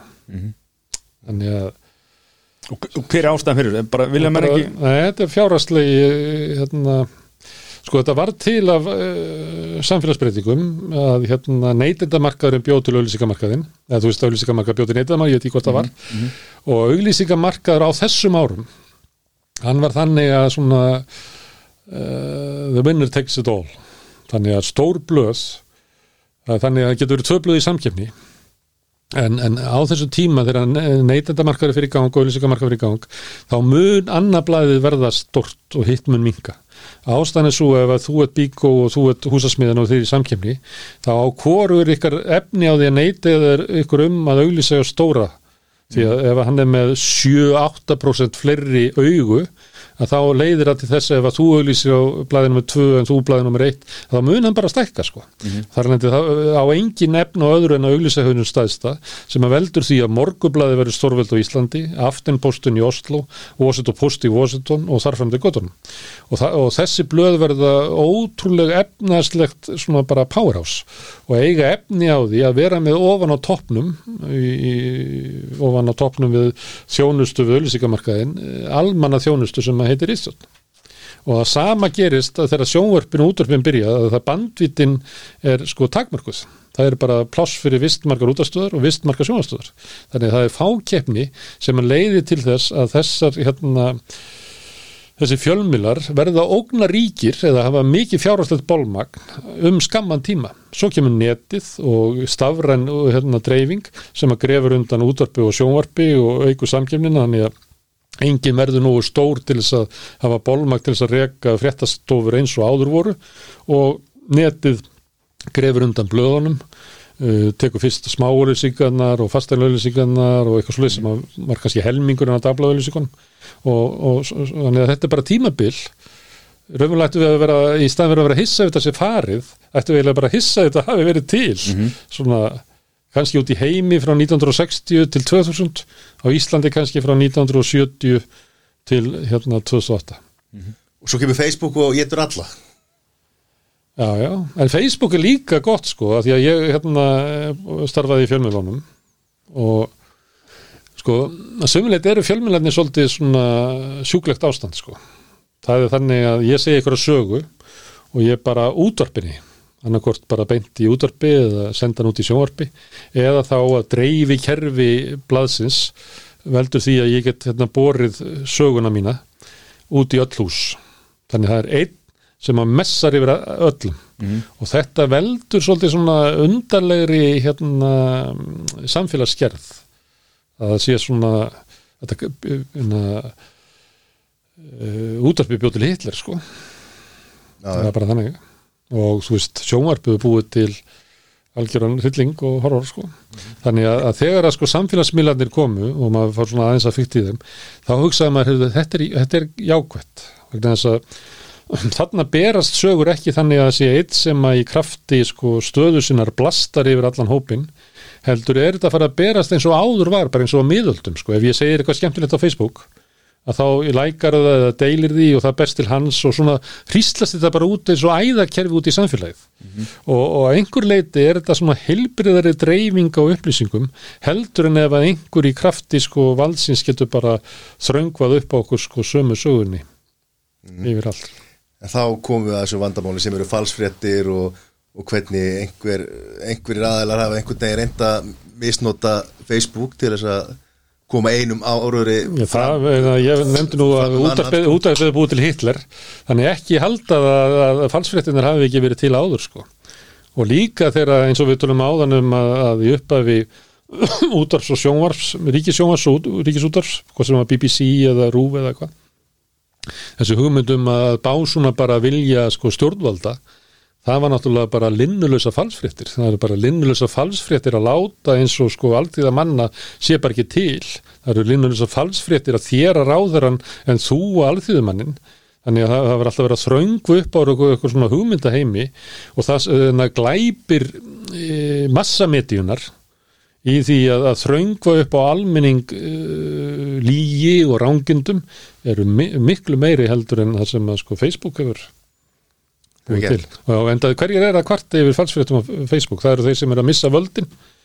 Kannski vegna þess að, að hérna, svona miðstýra vald sem að gatt lifað með einhver leiti með hérna massamediunni er svona að missa tökin á umræðunni og eitthvað fleira vegna þess að núna geta bara allir gasprað það sem þeir vilja og þau segja byttu hvernig stendur á því að þessi maður er með þessa fárarlugu kenningar í læknisfræði?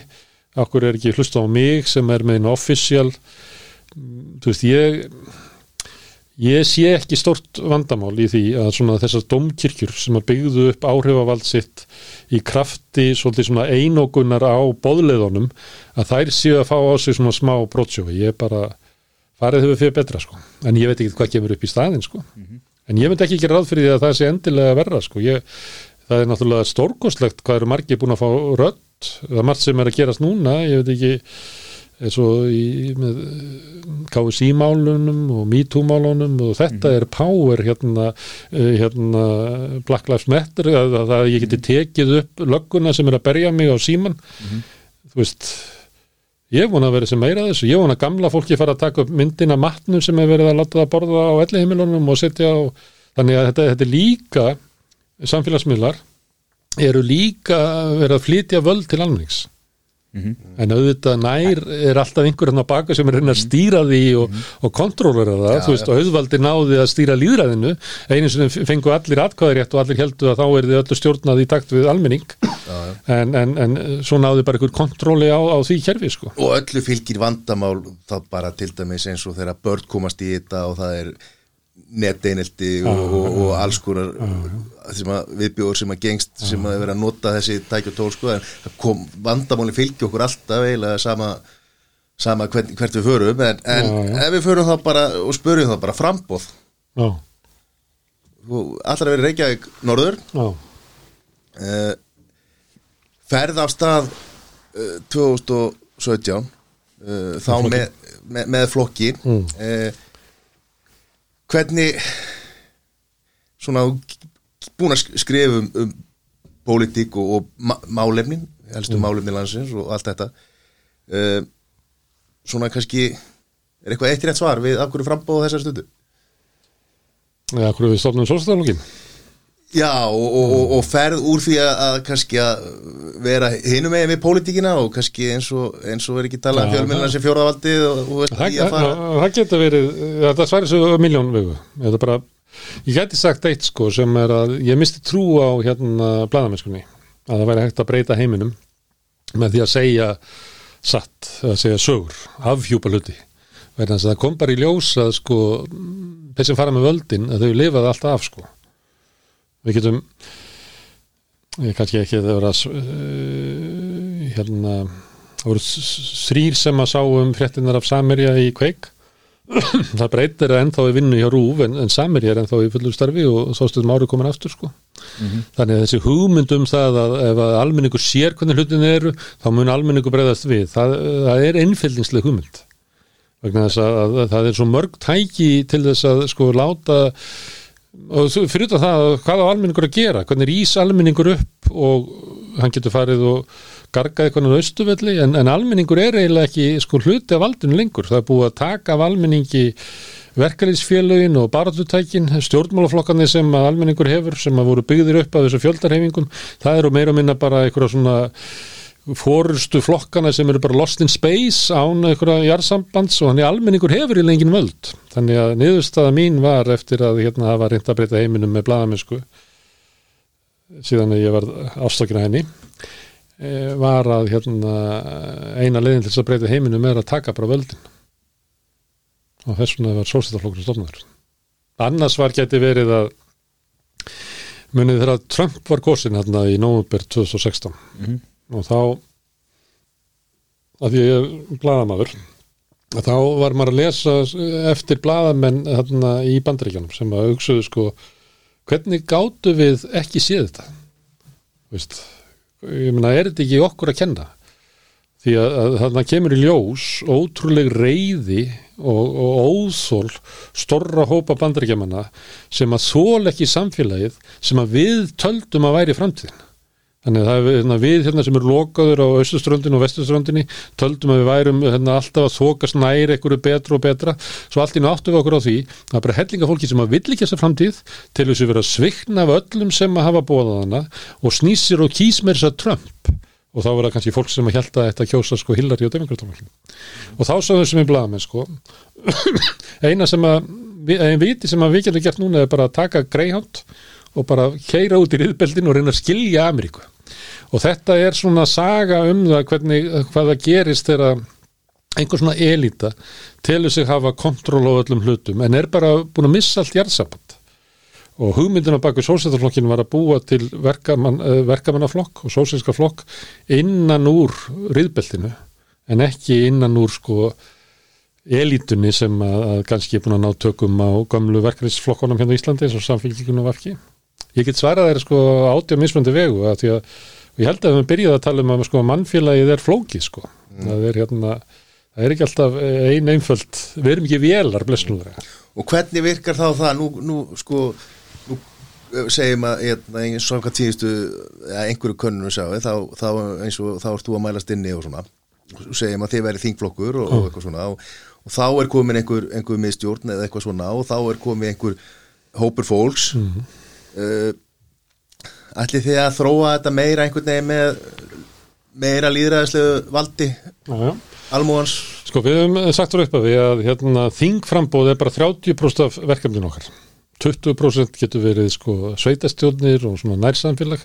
50% er að byggja upp uh, alltíður reyningu að endur þessa verkefnisreifinguna sem við höfum tekið þátt í og haft bara tölverðan árangur af og endur þessa verkefnisreifinguna hefur haft áhrif á Íslands samfélag Þannig að fókusun okkar er ekki bara það að komast inn og vera eitthvað þingflokkur eins og hinni flokkanir eru, það sem er bara fórustan er meira minna bara þingflokkurinn og svo er bara allur flokkurinn að þjónust og það fólk. Þannig að þetta er svona, þú getur hótt á þetta svona eins og deildaskipt.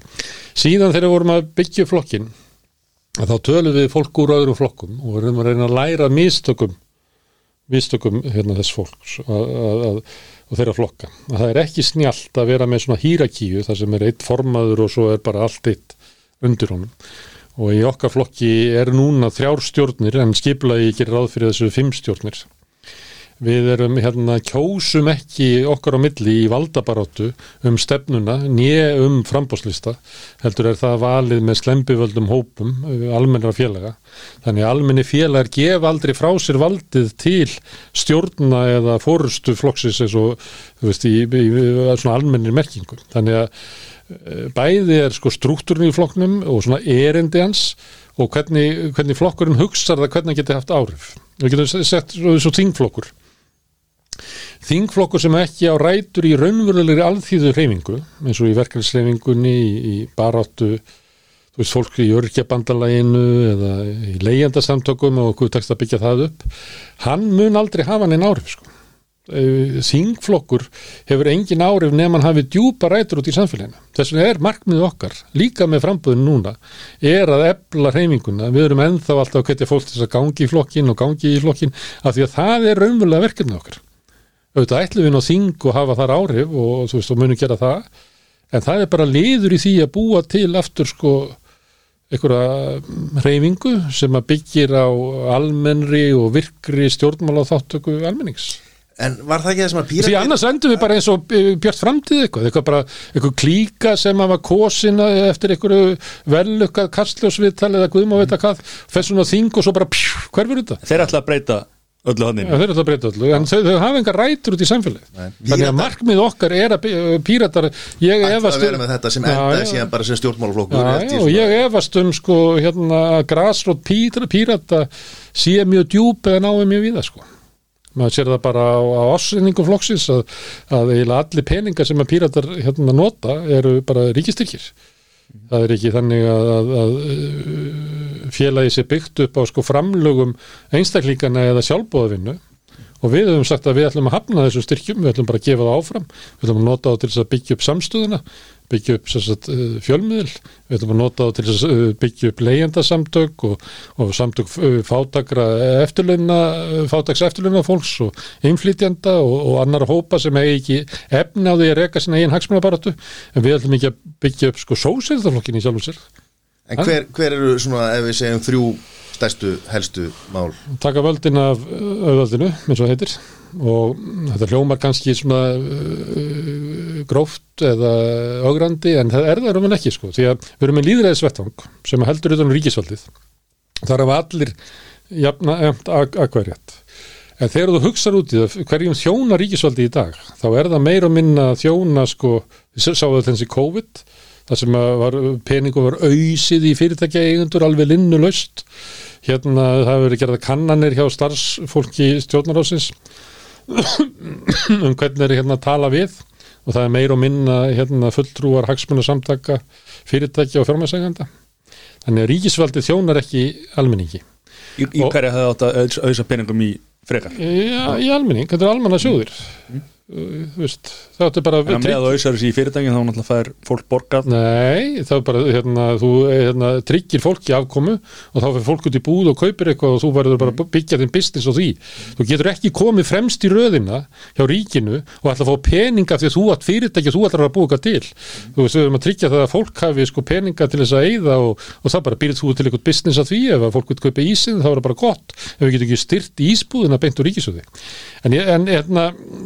þá er það bara gott ef við getum ekki styrt ísbúðina beint úr ríkisöði. En, ég- en hérna, þegar menn er að tala um blanda hagkerfi eins og kratandi gera þá var þetta eiginlega hugmyndin.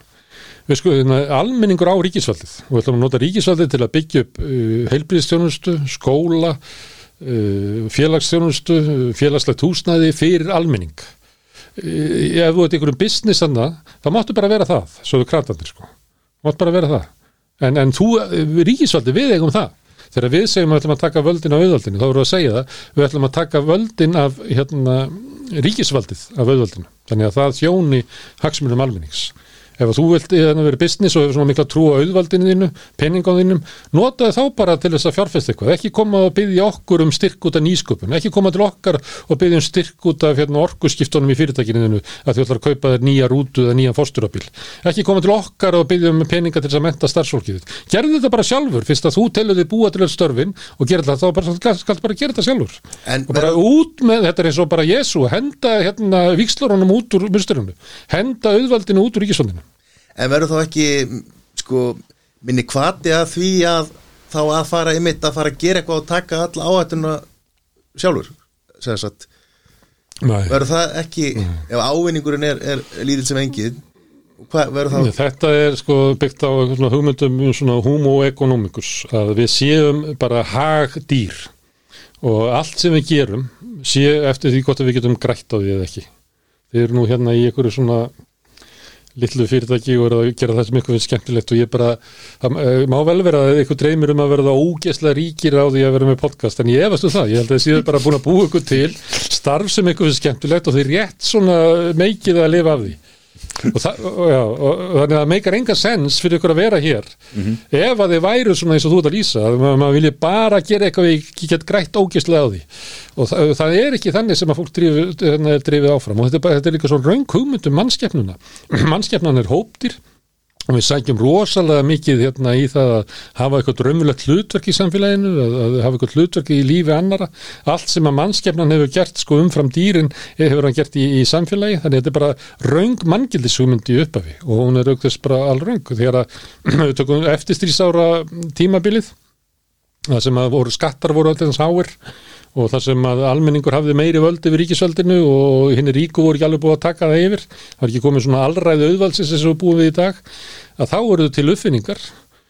Hérna, allt sem að fannst upp við hérna, geimferðar á allir bandaríkjana var unnið af hérna, ríkistarsmönum og sem að hérna, þið eru með í iPhone-unum ykkar og allar uppfinningar, þetta var allt all, all, all, all þekkingin sem að var til í háskólanum, þetta var bara unnið af hérna, ríkistarsmönum sem að hérna voru bara bara í eðlilegri þekkingarleit og, og kannski að sækjast eftir því að, að hérna, hafa eitthvað status í samfélagi manna, það má vel vera. En, en allir séu bara að hugsa um að ég ætla að vera ríkur, ég ætla að vera ríkur. Sjáu bara ríka fólki, hverju vil vera svona? Myndur þú vilja vera eins og þessi Bezos grei maður hann, algjörlega vinalaus og þurfa að kaupa sér já, hann vil lengi vera í, í sama herbyggi og hann er maður borgið þeim fyrir að skjóta sér upp í geim En ef við tölum bara svona eins og háskólan eins og háskólan í bandaríkjunum, er þeir ekki samt líka svolítið byggðir á að einhver álma heitir eftir einhverjum fyrirverandi nefnda það sem er hefur, búin að auðsa peningi í já, þetta það hefur og- laskað á mikið og sko. svona- það hefur laskað á mikið vegna þess að þeir eru ekki á, á, opinböru framlugum heldur þurfa að sækja peninga og það leiði til þess að þeir fá kannski peninga til þess að reysa þessa álmu hjá einhverjum sko, manni sem að vill endilega kenna fólki eitthvað ákveði sko. þannig að, að, að allt í er bara ríka fólki að byrja að hafa áhrif á mentunum og svona Sumleit er þetta að gera þetta líka, það er verið að sækja fólk úr businesslífinu inn í háskólaráð og eitthvað flera. Þetta er bara, þetta tilir er bara e, svona nýfrálskju tímanum, þar sem við svona trú á því að ef þú ert ríkur, að þá ertu rosalega klár. Sem að því það, ef þú ert fátækur, þá ertu rosalega óklár. En þetta er ekki svona. Og, og, og það er ekki tilvílun að, að bíómyndina sem við erum að horfa á á þessu tímabili eru um hana, Iron Man kallinn hann stark sem er ógisla ríkur, ógisla klár og, og bjargar heiminum. Hver heldur þess að búa til þessar myndir og reyna að heila þókuð með þess að kæfta því? Og svo eru hérna eh, grei menn eins og Elon Musk og svona reyna að lifa upp í það að vera eitthvað svona Iron Man. Og hérna gömlu kallandir hérna Branson og fleiri eru að reyna að ganga upp í þessa ímynd, þetta er bara hlægilegt. Þetta er bara, við höfum bara, við höfum bara átt á því að hérna tímabili sem við höfum lifað er bara hlægilegt rugg hinn hin, hin ríki er ekki ríkur vegna sem klár, Hann- oftast er það vegna sem erfið eitthvað peninga. Eh, Sá sem er með auðin, hann býr ekki til neitt, hann tekur auðin út úr fyrirtækjunum þú veist, auðurinn býr ekki neitt til. Auðurinn er, hérna, tekur afl úr fyrirtækjunum. Fyrirtæki sitja eftir sko miklu veikari og eftir vegna þess að áður uh, ef það veri herri skattar að þá veri meiri freysting til þess að fjárfestin í fyrirtækjunum. En þeir eru búið að aflétta skattana, aflétta skattana fjármæstekjunum, af arðgreislunum að þá eru bara peningandi teknir út úr þessu og við erum bara En hvernig komast þessi mennin í svo stöðu?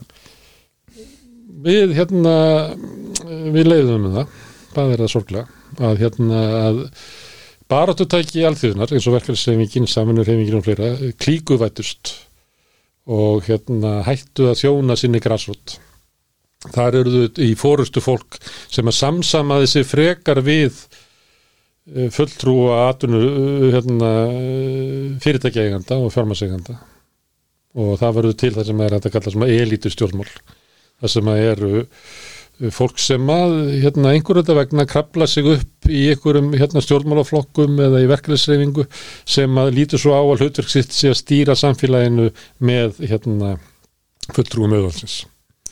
Þetta er, er sorgarsaga af Vesturlanda. Sko. En er ekki, sko, minna eins og við sjáum bara eins og í bandaríkjónum uh, Jimmy Hoffa sem var nú yfir verkefnisfélagunum þar sem að lánar peninga til mafíuna sem byggja síðan upp Las Vegas og uh, og mikið mafían byggir Las Vegas og peningu lánaða frá verkalýsfélagun og Jimmy Hoffa sem er lendið síðan reytar í fangilsi og, og, og, og veist, það er hún að saga. Og hvar verður bara? Já, já, er, já, já hvar var hann ekki með sko en, og þú veist, en er, er ekki þú veist, sagan alltaf þannig að mannskefnan er þannig að þegar einhverju komin í ekki stöðu já, þá breyt mun hegðunin breytast. Þetta heitir sko hérna járnlögmál klíkuveðingarinnar öll mannfélag, það getur verið sóknanemt, getur verið stjórnmálaflokkur, er líka fyrirtæki.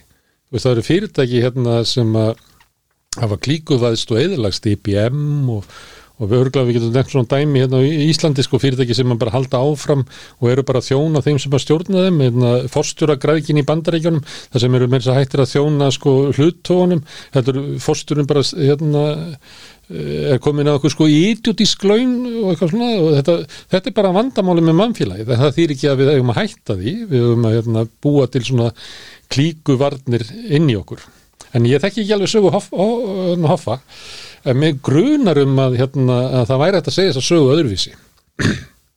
Að þetta er náttúrulega saga hoffa er tímabilið það sem að hérna, eftir stríð þá eftir New Deal og Roosevelt þá eru vinstrimenn og verkefnisleifingin með mikil völd í bandaríkjum og það verður bara markmið að brjóta niður þetta vald almennings. Það er gert annars vegar með hérna, kommunistu ofsóknum, með McCarthyismannum að hérna, sanna það að ef þú ert sósialisti og ert að berjast fyrir hérna, hagsmunum almennings þá ertur umvel að handbendi Erlends ríkis og ert að ná allar að fella sko bandaríkina og það er farið út í það og það er bara eld allir sem hafa tengst sko sósælski barátur eldir upp. Og síðan snýst þetta líka um það að brjóta niður völd verkefnsreifingarnar og, og tímabil hérna hoffa er frá sko blómatíma verkefnsreifingarnar í bandaríkunum til algjör niðurleika tímabils það sem að enda með því hann hverfur. Og það væri alveg þetta að segja þess að sögu sem skipulagða árás til þess að grafa undan verkefnsreifingunni. Akkurðu var hérna við alltaf verið að sanna að, að hoffa hafi verið spiltasti maður í, í bandaríkanum. Ég bara ég bara kaupið ekki sko ég hef lengt í svona hérna, mulningsvél auðvaldsins sem er að reyna að ræja menn og grafa undan þeim og ég bara, þegar ég eh, horfið til þess að ærismenn og svona nýju myndina svona, þá er ég alltaf að byrja, má ekki snúa þessari mynd aðeins við og segja hana hinn meginn frá því að á þessu tímabili ef þú tekur sko það sem hann er á, á hátendi sínum og þangar til að hann er bara látið hverfa og öllum er samum hann, engi leitar á hann um eins og ný af því að það er búið að brjóta niður hérna, vald verkefælsreifingarna að á þessum tíma þá er almenningur í bandaríkjum að tapa öllum völdum sko. og stjórnmála ástandi sem kemur í kjölfarið er sko demokrataflokkurinn sem er bara hefur verið sagt sko hann hafi verið uh, stjættaflokkur, hann hafi verið flokkur sko vinnandi stjætta en hann verður hérna, stjættaflokkur sem er bara einar skapandi stjætta og, og, og hérna uh, sérfræðingastéttarinnar tekur við, þannig að, að allir megin þóri almennings í bandaríkjónum svona bara venjulegt launafólk á sér enga flokk lengur og það er fólki sem að rýsa upp, svo við ferum svona eitt ring, sem að rýsa upp þegar Trump kemur, að allt ínum bara fer þetta fólk frá demokrataflokknum og segir bara vegna að það var búið að svíkja það, þannig að Ég held að hérna ég bara trú ekki söguðinu um, um Hoffa að það að hann hafi lánað mafíunni ég myndi, ég er bara að fara, fara að spurja sko, byrju, hvað var, var, var, var að takmarka hva, hverju mann gætt lánað þarna úr lífriðsjóðnum af því að hérna, Wall Street var að reyna að halda lífriðsjóðum almennings frá hann, hérna, og þeir vildu náði undir hérna, þessi þeirra fyrirtæki frá hausinu í bandaríkjunum þá tapast yfir lífriðsréttindi í bandaríkjana, nei, starfsmannuna vegna þess að lífriðsjóðunir eru neittir til þess að fjárfesta í fyrirtækinu sjálfum. Þannig að þegar að, ef að sko General Motors færi á hausinn þá myndu allir starfsmenn að tapa lífriðsréttinsum þannig að ég er að sé bara svona í þessari sögu en ég ætla nú ekki að geta mig til um það. Ég vil fá nýja sögu að hoffa. Já, já, ég var nú bara að hlusta á sögu um Las Vegas sko, og þar kom Jimmy Hoffa svolítið við sögu. Já, já, já. hvernig hann lánaði fjármækt til mafíuna sem að byggðu upp fyrstu, fyrstu hóteli Já, sko. vegna þess að þeir gátt ekki fengið pening gátu- annar staðar. Það þýðir yfirleitt að sá sem að hann leitar til ef mafían leitar til einhvers þá er það einhver sem að getur heldur ekki lána neinum þannig ég held að ég vil fá að vita það, söguna bak við það. Á hverju neittist verkefnisreifingin til að lána mafíunni? Heyrðu, já, hver, Ekki spurning, ekki spurning Heyrðu, uh, er, er eitthvað draumur um sko munið þið fara í einhvers konar uh, stjórnarviðraður Já, sko, Ef að sé alveg eins og er að þá er ég ekki það Ég lít svo á að næstu vikur eru bara eh, þá eru að vinna því að, að bjóða kjósutum upp og þann kost að kjósa sóstaflokkin sem er með svona með hugmyndur um það hvert samfélag getur þróast. Og ef við fáum mm, skýtsæmilega kostningu þá erum við með skýtsæmileg spil. Ef við fáum góða kostningu þá erum við með góð spil. Þannig að það að sitja á þessum tímapunkti og reyna að geta sér til um eitthvað það er eiginlega tilgáðslega sko. Því að þú veist ekkit hver staðan er.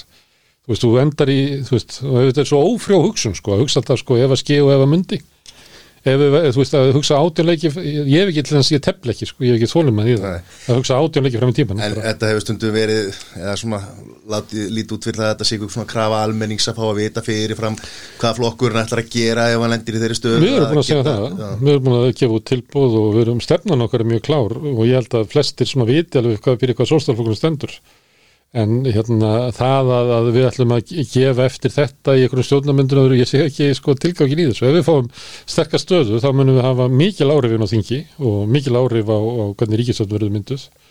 En ef við fáum það ekki þá er eiginlega þú veist ég held reyndar að, að, að til er svolítið einum svo kvöldu elitustjórnmálum að láta alltaf eins og við sem að fara að kjósa sko uh, forstjóran Veist, við sjáum myndirna sem að þetta greið fólk í hérna, þessum elitustjórnmálum dreifir af sjálfur sér út um öll, öll strætóskíli og allan bæ. Eitthvað risa myndir og svo stendur bara eitthvað traust og hamingja og kærleikur og bara eitthvað svona uh, ein, ein setning. Eins og þessi að sækja vinnu sem einhver svona forstjórar í félagi þar sem allir eru sammála um stefnuna. Við erum að bjóða fram í félagi þar sem að fólk er bara mjög ósammála um stefnuna það sem að hérna, það er ekkert samkomuna í þessu fyrirtæki okkar þessu sa- þessu samfélagi hvert, hérna, hvert við höfum að fara.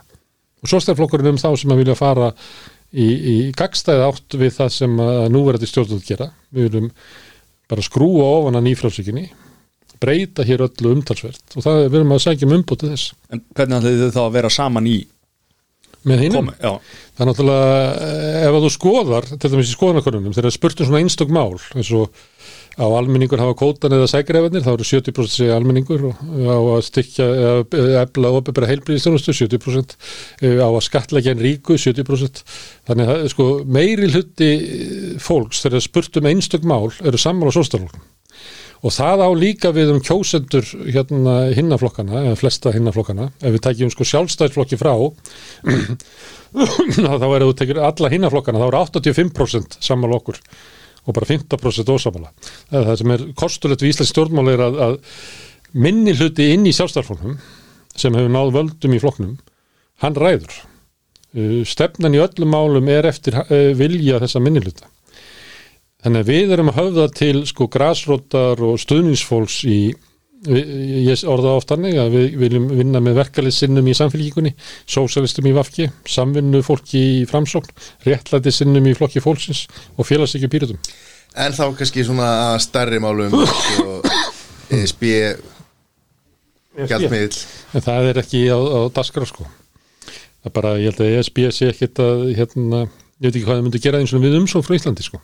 ESB er bara í, í, í ótrúlegum bara tíma í, í hérna mikil skil þar og er óvist hvert ESB fer sko. Og eins og margir, að kannski hafa nefnt að það er ekki bara búið að taka valdi frá fólki í landinu, það er búið að taka líka völdin af þeim sem að fólki í landinu kýst til þess að og fer inn í einhverja miðstöð einhverja stærri Við erum um, um, meira fylgjandi sko valdreifingu og flytja valdi nær fólkinu heldur en að flytja út í Brussel. Og það er líka Európa-sambandið er það, var stopnað til ákveðna hluta eitthvað en, en svona undaferinn ár hefur að þróast mjög í því að þjóna fyrst og fremst sko stórfyrirtækjum. Það neyðir Íslandika til þess að skipta hér upp orkufyrirtækjum og, og búa til einhverja gerfi samkeppni á einhverjum orkumarkaði það sem er enga fórsötu fyrir samkynni þannig að við hýtaveitan var byggð hér upp sem bara samfélagslegt verkefni á félagslegum grunni sem að reykingar áttu saman en núna verður, getur ekki Reykjavíkuborg eins og ekki sko keft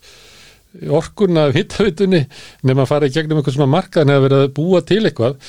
Á Íslandi, það sem er engin sko samkjöfni við erum ekki með samkjöfni í tryggingum, ekki í ólíuverslun, ekki í dagveruverslun þetta er allt meira að minna 2-3 fyrirtæki sem drotnaði hverju markaði. Og þá ætlum við að taka svona grunn innviði eins og hittavitun og orkuna og búa til eitthvað svona gerfi markað, þetta er bara ég sé ekki punktið í þessu En, lilla krónan okkar, hvað viljum við gera á hana? Já, sko, eitt af þetta lærdomun í COVID er að þau ríki COVID flýtti fyrir það var hérna, breyting á því hvernig fólk horfir á ríkisfjármál að, að svo kenning svo hugmynd var ofan á að ríkið prenta peninga og svo innirimt til að skatta til þess að draga úr peningamælur umferð Það er ekki þannig eins og nýfröðsakja sagði okkur að fyrst verða peningar hjá ríkuköllunum sem vorum að, hjá, hjá Tony Stark og félögum og, og ríkið þurfa að sækja peningar til ríkukölluna til þess að geta reikið sjúkrós eða borga gamla fólkinu laun. Núverandi hugmyndum ríkisfjármar er svo að ríki prenta peninga og ríki getur prenta peninga til þess að tryggja fólki tryggja fólki framfærslu eða byggja upp innviði eða, eða fjárfestingar sem að munu skila arði í framtíðinni án þess að það hafi áhrif á, á verðbólgu eða þinni út myndina. Þetta er bara ríkjandi hugmynd og þess vegna hefa stjórnvöld allstarum heiminn dælt út svona svakalugum peningum og miklu meira heldur á Íslandi það er vegna þess að þetta er hægt, það er þetta bara að prenta peninga eða vantar, ef það er hóla í hækjurunu prentaðu bara peninga og fylltana þannig að hugmyndirnar um um hérna ríkisfjármál hafa breyst og þar með breytist alveg hugmyndin um það hvaða gildir að eiga sinn eigin gjaldmiðl það er allt annað að ríki, íslenska ríki getur prentað út peninga til þess að mæta COVID og skuldað sjálfun sér. Ríkisjóðu skuldað selabankunum og ríkið á selabankan hvert er vandamálið? Í staðið fyrir ef við hefðum erlenda mynd að þá myndum við skulda bara einhverju böngum í útlöndum hérna fyrir allt COVID sko. Það var eitt eitthvað 300 miljardum í COVID. Ekki viltu skulda þetta bara eitthvað út í útlöndum? Það er miklu betra að skulda þetta bara upp í Sælabaka Þannig að krónan er, er og kannski þarf þetta aldrei að borga þetta. Mm. Þannig að krónan er, er hérna eins og staðin er í dag að það minnst það bara ábyrðaleysi þegar fólk er að tala um að það væri eitthvað bati í því að, að, að, hérna, að við myndum breyta öllum skuldum ríkisins yfir í erlenda skuldir við höfum að njóta þess að geta bara mætt efnaðslæðum með því að prenta peninga og svo hérna annarkort borgum við þetta eða borgum við þetta aldrei. Mm. því að þú veist skiptir það einhver einhverju máli þótt að ríkisjóður skuldi í sælabokkanum 300 miljardar það er ekkit sem að sést ekki heimabokkanum mínum allana sælabokkanstjóður alltaf verið í harðarinn en það að gera en líður að skipa þá rekum við hann bara. Líður að skipa hann talar um, um hérna færa valdið til fólksins mm. uh, kjördamarskipan á Íslandi er þannig að, að, að, að það eru minna atkvæði fleiri sem að, eða sérst vega Já. fleiri atkvæði hérna í á höfbrukarsvæðinu vega minna heldur en færri atkvæði. Hugmyndir svo er að þetta sé jafnvægi millir flokka og það á að vera, ætti að vera það en það er ekki, kerfið ekki alveg nógu gott þess en þannig að það, það sem að gerist að, að þegar þú hérna, kýst sjálfstæðisflokkin í í hérna kraganum þá færðu ekki Viljálm Bjarnason heldur Þórdísi Kolbrunna þú færðu hérna þingmann viðkomandi flokks frá norðvestu kjörtami e, ég held þetta séu fimm þingmenn sem eru svona rámt koma á raungu kjörtamum og ég bara, ég fæ mig ekki. Ég, það er- eru stefnu hérna, sjálfstæðarflokksins að jafna atkvæði en ég bara fæ mig ekki persónulega til þess að tala mig sko heitan yfir þessu óréttlæti, það er bara svo miklu miklu meira óréttlæti í samfélaginu heldur en þetta sko.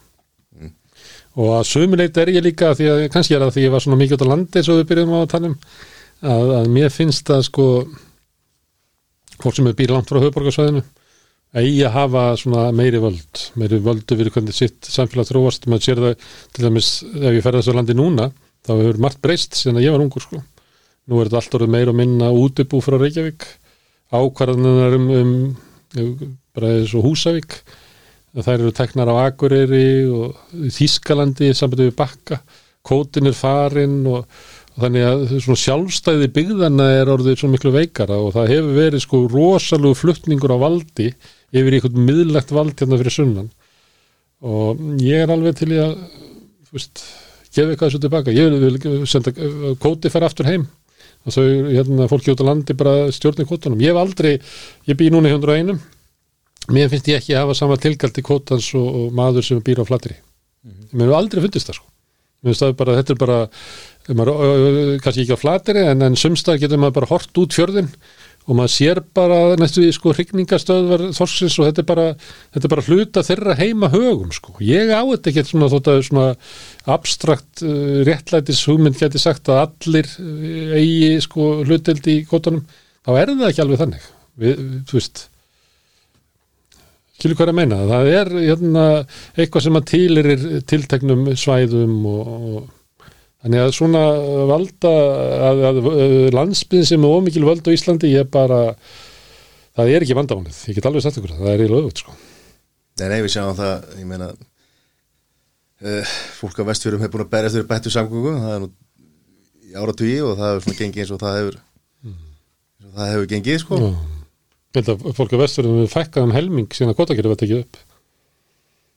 Og alltaf að segja með þetta, þetta sé valdamesta fólk á Íslandi? Ég bara, er það ekki sko?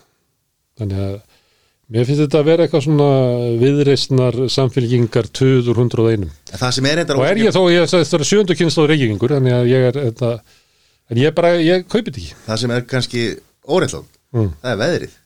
Það er að, það er að já. ég sá það. Ég sá það að ég fór í svona umræðu þátt í sjónvarpinu þar sem mættu svona fólk frá öllum flokkum kemur ekki Logi Einarsson akkuriringurinn og hann var eins og það hefði verið sko mánuð á, á, ha? Þú veist og við, við erum búin að verið í súlt hérna allan tíman finnst nú hann eigi að sko fa- fa- fa- fa- faðra sig aðeins og dempit aðeins niður ekki að vera að monta sig svona fram á okkur hinn mm.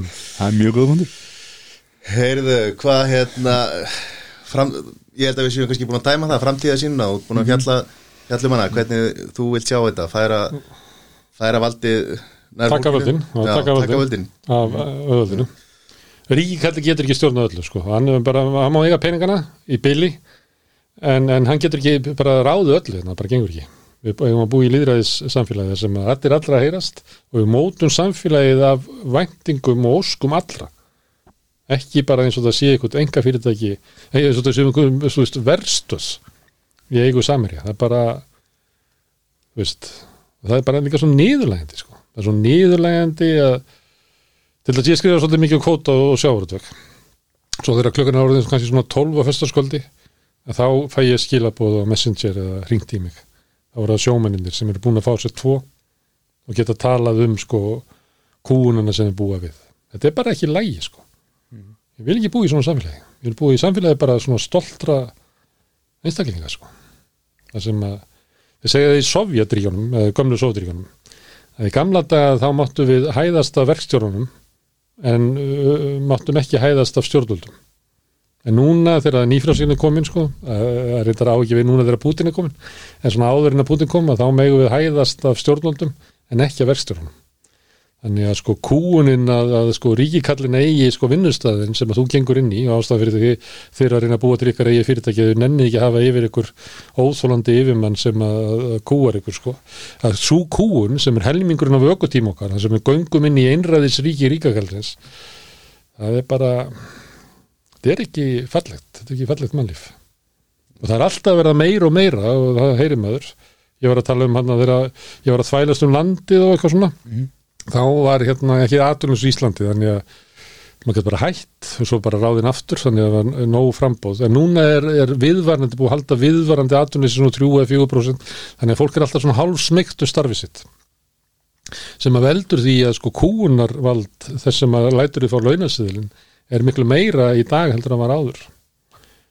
Völd verkefnisefingana voru meiri sko hérna 1970 og 1980 heldur en í dag og fólk hafði fleiri hérna raddir, það var meiri, meiri í samkefni það voru nýju tryggingafjölu, nú voru bara þrjú. Það voru sjálfstæðar vestlani sem fjölskyldur rák út í hverjum hverfi. Nú er þetta bara fyrst og fremst tvö rísa fyrirtæki sem er ekki alltaf dagur vestlun það voru miklu fyrir bankar. Nú eru bara þrý bankar sem er drotnir öllu. Þannig að þessi hugmynd sem að fólki var selt þegar það átti að kingja þessar nýfrálsökjum að það veri aukin samkeppni og meira val fyrir neytanda, það er ekki reyndin vegna þess að kapitalismin leiðir, leiðir til fákeppni og einogunar og fábreytni og kúunar það er bara þannig er það. Svo eigum við að gleyma okkur af því að við fáum fleiri tegundra tangremi eða, eða eitthvað svoleiðis en, en svona raunverulegt vald eða áhrif á samfélagið það bara er ekki sko.